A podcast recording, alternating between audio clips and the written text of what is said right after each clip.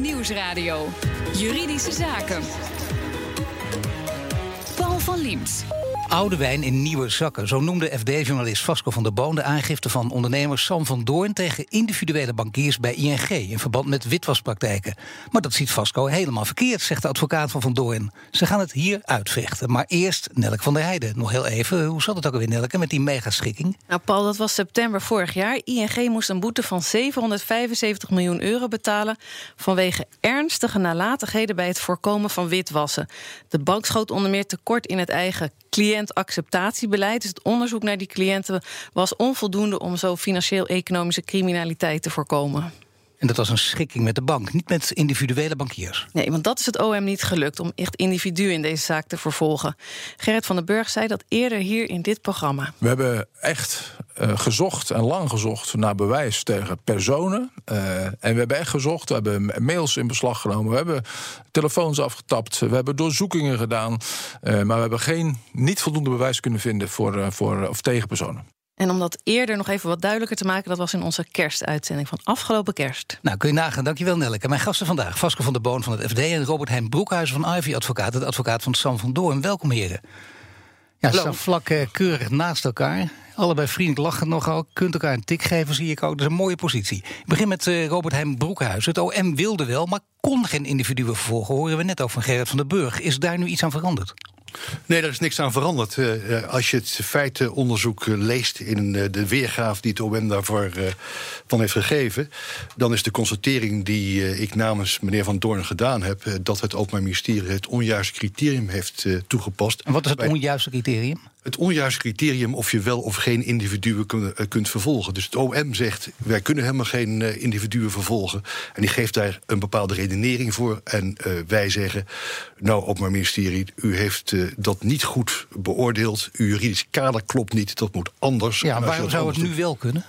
Het is niet nu anders. Het heeft altijd al anders gekund. En op het moment dat je het juiste criterium toepast, dan, naar de mening van meneer Van Doorn, kan je wel degelijk. Maar wat is die toevoeging dan van meneer Van Doorn waardoor het wel kan? Nou, het is geen Volgens toevoeging, het is een juridische beoordeling. Nou ja, goed, maar... Het, het Openbaar Ministerie die zegt...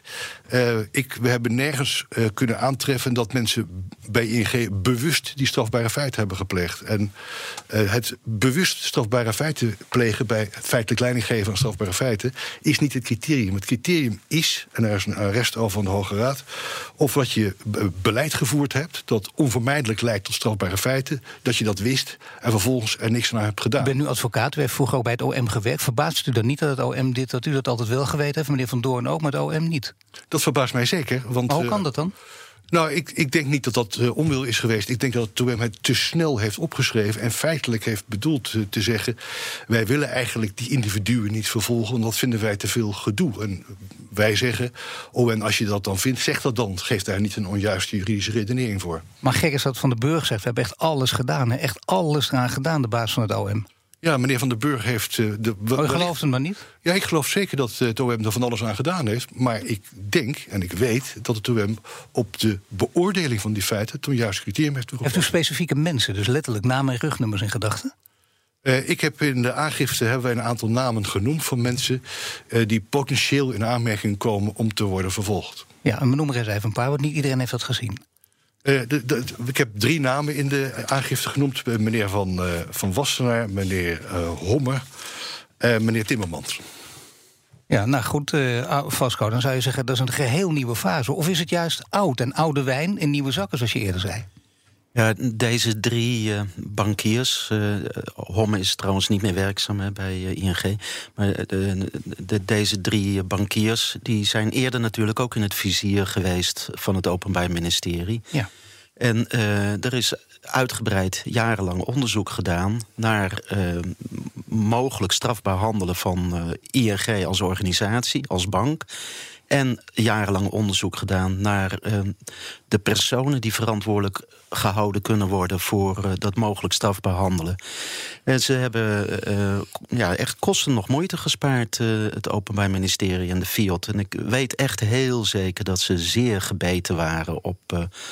het vinden van iemand die leiding heeft gegeven aan mogelijke misdrijven. Ze hebben de, de, de, de top van ING getapt Ze hebben, uh, wat is het? Uh, Al die mails doorgekeken. Een, een dozijn keer uh, zijn, ze, zijn ze binnengevallen. ze hebben al die mails bekeken. Um, en als ze het hadden kunnen bewijzen dat iemand opdracht heeft gegeven of wetenschap had van uh, straf behandelen door de bank, dan waren ze echt achter hem aangegaan. meneer Broekhuis, dat, zou je toch verwachten? Wat, wat, zou, wat zou het, waarom zou het OM dat niet willen? Ik wil er nog iets aan toevoegen. Um, uh, het OM en de Field waren ook zeker uh, van plan om, als ze een verantwoordelijk hadden kunnen vinden, om die voor de rechter te brengen. Omdat ze natuurlijk niet een herhaling wilden van wat ze bij de Rabo en de Libor-affaire is overkomen. Rabo, die voor 774 miljoen uh, strafvervolging kon afkopen voor de uh, manipuleren van de Libor-rente. En er is veel kritiek op geweest op die schikking. veel kritiek op het OM. Ja, maar goed, Vasco, en, dat, wilden ze, dat wilden ze, echt voorkomen. Nog, maar even, ze echt niet nee, nog een keer. Maar even alles bij elkaar natuurlijk. Hè, dan zou je bijna zeggen, als je de opstapeling, opeenstapeling van argumenten hoort, ook nu van Vasco, dan denk je, wat heeft het OM er van belang bij om juist niet door te bijten als het zou kunnen? Nou, het belang eh, weet ik niet. Kijk, het enige nou, dat vraag je toch af natuurlijk in zo'n zaak, als je daarover nadenkt. Je wilt toch weten wat voor kaarten de andere partij in handen heeft? Nou kijk, als ik zie hoe de beoordeling in elkaar zit... en wat het OM heeft opgeschreven... dan kan ik alleen maar uh, constateren dat zij zeggen... we hebben niks kunnen vinden. Terwijl op het moment dat ik lees wat er in feite over zich staat... bijvoorbeeld dat hun compliance al jaren niet op orde was... dat dat bekend was bij de top en dat er wel wat aan gedaan is, maar niet voldoende. Dat er tientallen waarschuwingen binnenkwamen dat het niet op orde was. Nou, die feiten zijn al voldoende om die top te kunnen voeren. systemen, dat is wel duidelijk, ja. En, en, je moet niet voor niks ook schikken. Je moet niet voor niks ook een enorme boete betalen. Maar waarom dan nog een stap verder? Uh, wilt u dat wel? Nou, OM zou dat niet willen. Nee, het, zijn geen haperende systemen. Er is altijd iemand verantwoordelijk voor die systemen waarin volgens deze regeling, volgens die feitenoverzicht, te weinig geld is geïnvesteerd. Ja, en, dat, dat en, dat, en dat is nou juist bij een ingewikkelde organisatie als ING, kan je kennelijk als bedrijf uh, de verantwoordelijkheid voor. Uh, uh, kan je wegorganiseren. En dat is ook wat het OM en de Field hebben gevonden. Het was een versplinterde organisatie. Ze konden niemand vinden die verantwoordelijk was. En eigenlijk is dat ook bizar natuurlijk. Dat er uh, grote misstanden zijn en niemand aan de top is daarvoor verantwoordelijk te houden. Maar je kan dat kennelijk in een gecompliceerde, een complexe organisatie, kan je dat wegorganiseren, die verantwoordelijkheid. Dus dat is niet goed, meneer Boekhuizen. Maar ja, het is inderdaad, dat geeft nog eens extra aan hoe erg het is. Dat je niet iemand ook verantwoordelijk kunt houden, maar het kan dus niet. Nee, dat is onzin. Het, kan wel degelijk. Als je de jaarverslagen van ING goed leest, dan kan je precies zien wie waarvoor verantwoordelijk is. Maar het blijft zo gek als, als mensen dit ook horen. Die denken, ja, u leest dat heel goed, maar de OM leest dat niet heel goed. Terwijl ze daar met man en macht jaren op gezeten hebben. Nee, ik denk wat er gebeurt is dat uiteindelijk de eindverantwoordelijke bij het OM onvoldoende het juridisch kader hebben toegepast op de feiten. En als ze dat gedaan hadden, hadden ze wel kunnen vervolgen. Pascal. Ja, nou, dit is eigenlijk de vierde keer zo'n beetje, misschien wel de vijfde keer, uh, dat uh, Broekhuis en, en Van Doren dit proberen om ING vervolgd te krijgen, of mensen van ING vervolgd te krijgen. Dit is de zoveelste keer. Ik vind ook, op een gegeven moment moet het klaar zijn.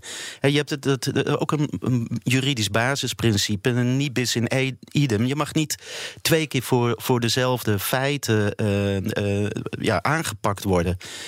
En dat principe laat hij en, en Van Doren laten nu vallen. En, en, en kijk, je, jij weet zelf ook wel, uh, Robert Heijn, dat uh, dit gaat niet landen. Dit, dit, dit, dit, het, het gaat niet werken. Ze zullen niet vervolgd worden. En dan kom ik bij de volgende vraag. Waarom, waarom doen jullie dit, dan toch? Nou, ik, maar ja, ik, waarom voor de vierde of vijfde keer? Want is, is dit ook de vierde of vijfde keer? Nee, Misschien voor de zesde keer? Dat is onzin. Het is de eerste keer dat we aangifte doen tegen individuen. Uh, het is ook niet zo dat het nebus in idem is. Uh, er is nog nooit een individu van ING vervolgd. Het, we hebben wel meerdere aangiften gedaan. Die aangiftes hebben ook geleid tot de veroordeling van bepaalde individuen die betrokken waren van, bij witwassen, witwasactiviteiten via de bankrekeningen van ING. En het is wel een mooie boel. Dat is er wordt gewoon een boete betaald, het is klaar. En er wordt een onjuist criterium toegepast. En vervolgens zegt iedereen: nou niks meer aan doen, klaar is. en voor de duidelijkheid is het nou, nee, maar anders lijkt u een beetje een zeurpiet die voor de zoveelste keer weer hetzelfde hetzelfde gaat proberen. Terwijl je inderdaad dan denkt, hou nou maar een keertje op en nou weet het wel. Dan kun je nog tien jaar mee doorgaan, dat moet je niet doen. Maar toch, Vasco, hij zegt, het is de eerste keer dat ik ja, het doe. dat is dus niet waar natuurlijk. Kijk, het, het was... Het was nee, nee, ik was je, wat hebben jullie hij begint te lachen, dus bent, denk ik. Je hebt een artikel 12 procedure al een keer gedaan. Je, je- jullie wilden... eh, Het, het, het, het, het deels ook succesvolle pogingen hè, geweest. Om, want Erwin de Ruiter... Dat is eigenlijk de rechterhand was dat van het trustkantoor wat Sam van Doren had. Die hebben jullie door dat maar drukken en blijven eh, vragen om strafvervolging... die hebben jullie voor de rechter weten te krijgen. Maar nu, ja, jullie vinden het niet genoeg. Terwijl bij die... Bij dat onderzoek is natuurlijk ook al gekeken naar de rol van de bankiers. Want dat hebben jullie toen ook al aan de orde gesteld. Dat ING-bankiers medeplichtig zouden zijn aan het witwassen door eh, Erwin de Ruiter. Nou, dat is, dat is toen niet geland en het gaat nu ook niet landen. Dat weet je zelf ook wel. Dan kom ik bij, bij de vraag van waarom dan toch eh, zo eh, opnieuw eh, ING proberen aan te pakken. Nou, ik kan maar twee verklaringen verzinnen. Of, eh, ja, Erwin de Ruiter, die, die krijgen, daar krijgen jullie geen schadevergoeding van los... want die heeft zijn geld begraven ergens in, in, in Dubai. Of twee. En, en twee, ja, of probeer je eigenlijk misschien de politiek eh, hierbij te betrekken. En dat, dat je eigenlijk wil dat de politiek eh, eh, gaat zeggen van... eh, er moeten ook eens een keer bankiers persoonlijk aangepakt worden. Nou, u mag uit die twee kiezen, meneer Broekhuizen. Nou, kijk, meneer, meneer Van Doorn heeft aangifte gedaan. En deze keer niet tegen zijn, op basis van zijn eigen feiten, maar op basis van de feiten die eh, eh, in het, de zaak waren waar de 700 Nee, maar waarom? betaald. In algemeen of, of, omdat, individueel belang? Meneer, van, Doorn? meneer Van Doorn het onaanvaardbaar vindt dat eh, iedereen in Nederland die rare dingen doet voor de rechter moet verschijnen. Dus hij doet het En in het algemeen en- belang? Hij doet het inderdaad in het algemeen Ja? belang. Hij vindt het onaanvaardbaar dat, eh, dat eh, eh, bankiers En wil kennelijk- daarom de politiek erbij betrekken? nou, kijk, Vasco heeft gelijk dat het OM natuurlijk... die zal die, die aangifte niet positief reageren... want die heeft al lang gezegd, voor de radio ook... dat ze mm, alles boven tafel hebben gehaald. Maar vervolgens hebben we nog rechters die daarover gaan oordelen. En overigens is er ook politiek. En in de politiek en in de samenleving leeft heel sterk... dat het niet zo kan zijn dat de gemiddelde burger die wat fout doet... wel bij de rechters moet verschijnen en de gemiddelde Dus die twee, u kiest voor de tweede optie van Vasco, dat hij de politiek erbij wil betrekken. Nou, dat, Absoluut. En, en dat is op zich een, een, nou ja, een lovenswaardig streven van Broekhuizen en Van Doren. eh, Dat ze vinden dat als er mensen persoonlijk verantwoordelijk kunnen worden gehouden, ook als ze topbankiers zijn, dat ze door de, voor de rechter moeten worden gebracht. Maar eh, dit is allemaal al lang en breed uitgezocht. En je brengt geen nieuwe feiten naar voren... waardoor eh, dit strafonderzoek opnieuw zou moeten worden gedaan. Wacht even, En is het- nee, nee, kan niet. dan denk gaat ik- voor, maar dan betekent- Dan denk ik... Uit mijn hand? Ja, ja, ja, ja, dat, je de politiek hierbij halen. Je gaat er een politiek proces van maken. Stel je voor dat nou het omgekeerde was gebeurd. Dat ING Hij kan echt niet meer Vasco. Zometeen gaan we door. Zometeen gaan we door. En dan, gaan we, dan mag u even nadenken of u hier nog een antwoord op kunt vinden. En ook gaan we het hebben over ING. Ligt nu in Italië onder vuur vanwege hetzelfde probleem. Wat betekent dat voor de aangifte van Van Doorn? BNR Nieuwsradio. BNR Juridische Zaken. ING heeft van de Italiaanse centrale bank een waarschuwing gekregen. Ook daar zou de bank onvoldoende controleren om witwassen te voorkomen of tegen te gaan. Te gast FD-journalist Vasco van der Boon en Robert Hein Broekhuizen van Ivy Advocaten. En voordat we over Italië gaan praten, eh, Vasco wil je nog even een duidelijk punt maken waar meneer Broekhuizen nu even over na heeft kunnen denken. En dat gaat over het politieke proces. Nou ja, kijk, als eh, Broekhuizen eh, en zijn cliënt eh, Van Doren ja, de politiek willen betrekken bij eh, de afweging of het OM opnieuw achter ING-bankiers aan zou moeten gaan. Ja, dan zet je de deur open voor politieke beïnvloeding van het eh, strafrecht. En het lijkt mij een hele slechte weg die je dan eh, ingaat. Dat is hetzelfde. Ja, dan zet je eigenlijk de deur open voordat eh ING-topman Ralf Hamers eh, ook bij Rutte kan gaan lobbyen voor eh, laat het OM sturen terug in zijn hok. Dat moet je niet willen. We leven toch in een rechtsstaat, meneer Broekhuizen? We moeten toch rekening mee houden? Ja, kijk, eh, eh, Vasco zit alles een beetje op zijn kop. Eh, Waarom? Van, van Doorn heeft een aangifte gedaan in 2015. En die aangifte die is, heeft geleid tot de veroordeling van een aantal verdachten... die geld witwasten via de rekening van ING. Ehm, wat vervolgens aan de hand is, is dat bepaalde individuen... die verantwoordelijk zijn voor honderden miljoenen, miljoenen miljarden gelden... die via de rekening van ING zijn gelopen en die daar zijn witgewassen... dat iedereen roept dat daar geen verantwoordelijke personen voor zijn. En wat Van Doorn zegt en wat ik zeg is... het is in een samenleving die een rechtsstaat is essentieel... dat op het moment dat er mogelijkheden zijn... om ook bankiers persoonlijk te vervolgen... voor strafbare feiten die zij mogelijk hebben gepleegd... dat dat daadwerkelijk gebeurt en dat dat niet kan worden afgekocht... door een enkele uh, betalen van een groot bedrag. En dat groot bedrag... Hij, vindt, hij, vindt het juist, hij vindt het juist heel rechtsstatelijk wat ze doen. Ja, um... Nou ja. Kijk, als, als het OM en de Fiat een topman uh, hadden kunnen pakken, dan zouden ze dat doen. En dat hebben ze bij de NS ook geprobeerd. En uh, daar deinzen ze niet voor terug. Uh, het, het, is, het ze konden alleen geen bewijzen vinden. Er was niet een tap. Ja, maar het is echt een hele belangrijke, wat je nu zegt, is wel waar. Want meneer Broekhuis, als u dat namelijk niet met Vasco van der Boon eens bent, dan zegt u dat het OM een spelletje heeft gespeeld of heeft zitten slapen. Nou, ik weet niet of ze een spelletje hebben gespeeld. Ik weet niet of ze zitten te slaan. Ja, maar dat zegt u toch? Dat zegt u toch, anders kun je het anders zien. Wat ik zeg is, en ik ben echt niet de enige die dat zegt... er zijn een heleboel mensen die dat zeggen... dat het OM bij die beoordeling een onjuist criterium heeft toegepast. Als, als de OM zegt, we hebben niet kunnen vaststellen... dat meneer Hamers persoonlijk betrokken is geweest... bij de vraag of een dossier wel op niet op orde is... ik wil het OM geloven als ze dat zeggen. Alleen daar gaat het niet om. Waar het om gaat is, is of bij die top van ING bekend was...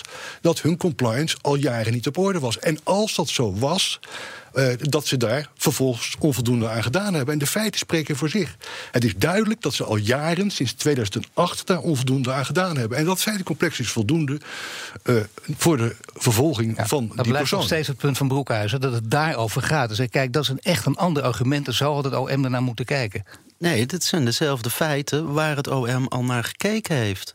Dit, hij, hij citeert notabene het feitenrelaas uh, van het OM dat bij de schikking eh, de, de, de grootste boete ooit uh, uh, openbaar is gemaakt. Dus hij brengt geen nieuwe feiten uh, naar voren, maar hij vindt dat die oude feiten opnieuw moeten worden gewogen en anders moeten worden geïnterpreteerd. Ja, dat is gewoon de zaak nog een keer overdoen. Nee, oude nee, wijn en nieuwe zakken. Dat is geen oude wijn en nieuwe zakken. Dat is dat het niet zo is dat het OM uh, op een papier op een bepaalde manier vast uh, opschrijft uh, hoe zij vinden dat het is. Dat het altijd zo is dat derden daar een mening over mogen hebben. En dat we rechters hebben die er dan wat van gaan vinden. En dat de politiek daar ook nog ook iets van kan vinden. Want op het moment dat dan blijkt dat je inderdaad geen individuen kan vervolgen, zoals de BEM zegt. Nee, dat hebben we net gehad. Soort je zelfs in, in, deze uitzending nog een keer oude wijn en nieuwe zakken. Laten we dat even proberen te voorkomen. Want Italië, wat dacht u toen u over die verdenking in Italië hoorde met Broekhuizen? Nou, het is natuurlijk een hele andere verdenking dan in de zaak Houston die in Nederland is vervolgd. Maar het gaat wel om dezelfde wetgeving, namelijk uh, anti-witwaswetgeving. En het is in principe dezelfde problematiek. En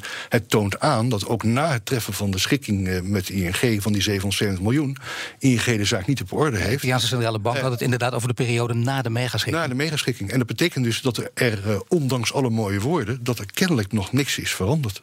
Zit daar nog een mooi, heel mooi verhaal in? Uh, ik, ja, ja, natuurlijk. Uh, dit is inderdaad heel, heel vreemd dat uh, ze opnieuw in de fout gaan in Italië, ING. En daar, ja, daar, daar, gaan we zoeken. Prima, als daar ING-bankiers persoonlijk verantwoordelijk voor kunnen worden gehouden. Of een nieuwe boete voor ING uit naar voren moet komen, of een andere sanctie. Prima. Maar dat is niet hetzelfde als voor Houston alsnog het hele circus opnieuw gaan doen... en gaan kijken of je toch niet nog een keertje uh, een ING-bankier daarvoor kan De Broekhuizen, dat is inderdaad niet veel verstandig. Dit is Italië, een hele nieuwe situatie. Daar nieuw naar kijken en ophouden nu met die andere zaak. Nee, helemaal niet. Waarom zou je ophouden over de zaak? Kijk, meneer Van der Boom is kennelijk een soort gezagsfreak. Dat op het moment dat iemand bij het OM iets roept, dat het dan ook zo is. Oh, nou begint u even, u bewaken voor het laatste Ik ken de heer Van der Boom niet als een gezagsfreak, maar dat terzijde. Ik in het algemeen ook niet, maar vandaag is hij dat wel. Anders zou u ook steeds laten uitpraten. Dat doet hij ook niet, weet je. Dus dat, dat, dat, geeft het al aan natuurlijk ook. Nou zegt de Raad voor de Rechtspraak dat de bank zelf ook voor een rechter zich zou moeten verantwoorden. Hoe kijkt u daar dan tegenaan? In Italië dus, hè? In Italië? Zeker. Nou ja, ik weet niks van Itali Italiaans recht. Ik weet, uh, dat, ik, wellicht gaat dat een keer gebeuren. In Italië gaat het in ieder geval heel erg lang duren, dat weet ik wel. Ja, dat betekent. over oude wijn en nieuwe zakken gesproken. Ja. De Italiaanse broekhuizen kan daar zo hard uh, ophalen, denk ik. Ja, um, ik weet verder ook niet hoe, hoe, het in Italië ervoor staat. Maar prima als dat uh, verder uitgezocht wordt. En prima als daar uh, een, een, nieuwe, een nieuwe strafzaak uit naar voren komt. Of een nieuw strafonderzoek. Um, ja, Wat kan ik daar verder eens over zeggen? Ja. Nou, meneer ik- Broekhuizen, die wil nog wel iets zeggen, denk ik. Nou ja, ik, ik, ik zou zeggen dat de rechtsvorming in Nederland juist enorm zou zijn gediend met een procedure waar wel degelijk eh, bankiers eh, tot, eh, tot eh, verantwoordelijkheid worden geroepen voor een rechter. En dat het niet alleen maar wordt afgedaan met betaling van gelden Nee, van aandeelhouders. maar En dat er inderdaad, uiteindelijk als het- iemand. Als het kan en het OM vond dat dat gewoon niet kon, heeft er echt van alles aan gedaan. U blijft het proberen. Ik dank u, Robert Heijn Broekhuis van Ivy Advocaat. Ik dank ook FD-journalist Vasco van der Boon. Heren, hartelijk dank. Nieuwsradio. BNR Juridische Zaken. Paul van Liemt. De baan van je dromen gevonden en overladen met complimenten door je collega's en een tevreden leidinggevende. Maar toch volgde voor het einde van de proeftijd ontslag. Hoe kon dat? Verslag is van Nelleke van der Heijden. Dennis, jij had de droombaan gevonden bij Boeing. En ook meteen enthousiast aan de slag gegaan. Maar toch heb je het einde van je proeftijd niet gehaald. Wat is daar gebeurd? Twee dagen voor het einde van mijn proeftijd nou, moest ik even op kantoor komen bij mijn leidinggevende. Die vertelde mij eh, dat hij het buitengewoon vervelend eh, vond. Maar hij had de opdracht gekregen mijn eh, ontslag aan te zeggen. Oh jee. En- En zei hij ook waarom? Nou, het had te maken met het feit dat ik een, eh, een Filipijnse vrouw had. En Boeing die had eh, informatie gekregen van de MIVD... die het eh, veiligheidsonderzoek uitvoerde... dat ik niet door de procedure zou komen. En daarmee, ja, dat is zwaarwegend. Dus mijn contract moest beëindigd worden. En zo'n veiligheidsonderzoek was nodig voor je baan. Ja, inderdaad. Ik werk tussen vliegtuigen van Defensie. En eh, ja, dat, dat mag niet iedereen eh, zomaar bij. Nou ja, goed. Dus je bent niet door de screening gekomen. Heb je daar enig idee van of dat terecht is? Ik heb daarna, omdat ik het eigenlijk niet kon geloven, de MIVD aangeschreven, de Veiligheidsdienst. En eh, nou, na een bepaalde periode heb ik een brief gehad en waarin staat dat Boeing hun heeft aangezegd het veiligheidsonderzoek te staken. Omdat ik daar toch niet zou gaan werken. Dat is merkwaardig. Wat is hier nou precies gebeurd? Ja, dat is, een- dat is een goede vraag. Want eh, ja, ik kan vertellen dat ik ondertussen weer werkzaam ben, eh, gewoon bij Defensie. Ja, en ik ben nu ook gewoon door het veiligheidsonderzoek gekomen zonder problemen. Ja, dus ergens klopt er iets niet. Maar het is inmiddels al wel even geleden. Zit het je toch nog wel dwars? Ja, het zit me eigenlijk nog steeds dwars. Ja, ergens voelt het gewoon niet juist dat ik zonder goede redenen blijkbaar eh, aan de kant ben gezet. En eh, toch iets ontzettend moois eh, heb moeten missen. En ik vraag me af eh, ja, of het rechtmatig was. En eh, ja, of ik daar misschien nog iets mee zou kunnen. Maarten van Gelderen van Van Gelderen Arbeidsrecht Advocaten. Heeft Boeing hier nou netjes of juist gehandeld? Het was natuurlijk nog wel proeftijd, of toch niet? Als ik het zo moet inschatten, is dit natuurlijk niet echt net gedrag. Het is geen correct gedrag van een werkgever. Meneer zat natuurlijk nog wel in de proeftijd. En dat betekent dat de werkgever behoorlijke vrijheid heeft om op elk gewenst moment dat arbeidscontract op te zeggen. Er hoeft ook geen opzegtermijn in acht genomen te worden. Maar je bent niet helemaal vogelvrij. Hè. Er is nog zoiets als misbruik van de proeftijd. Dus als je het heel erg bond maakt, dan kan een rechter dat sanctioneren.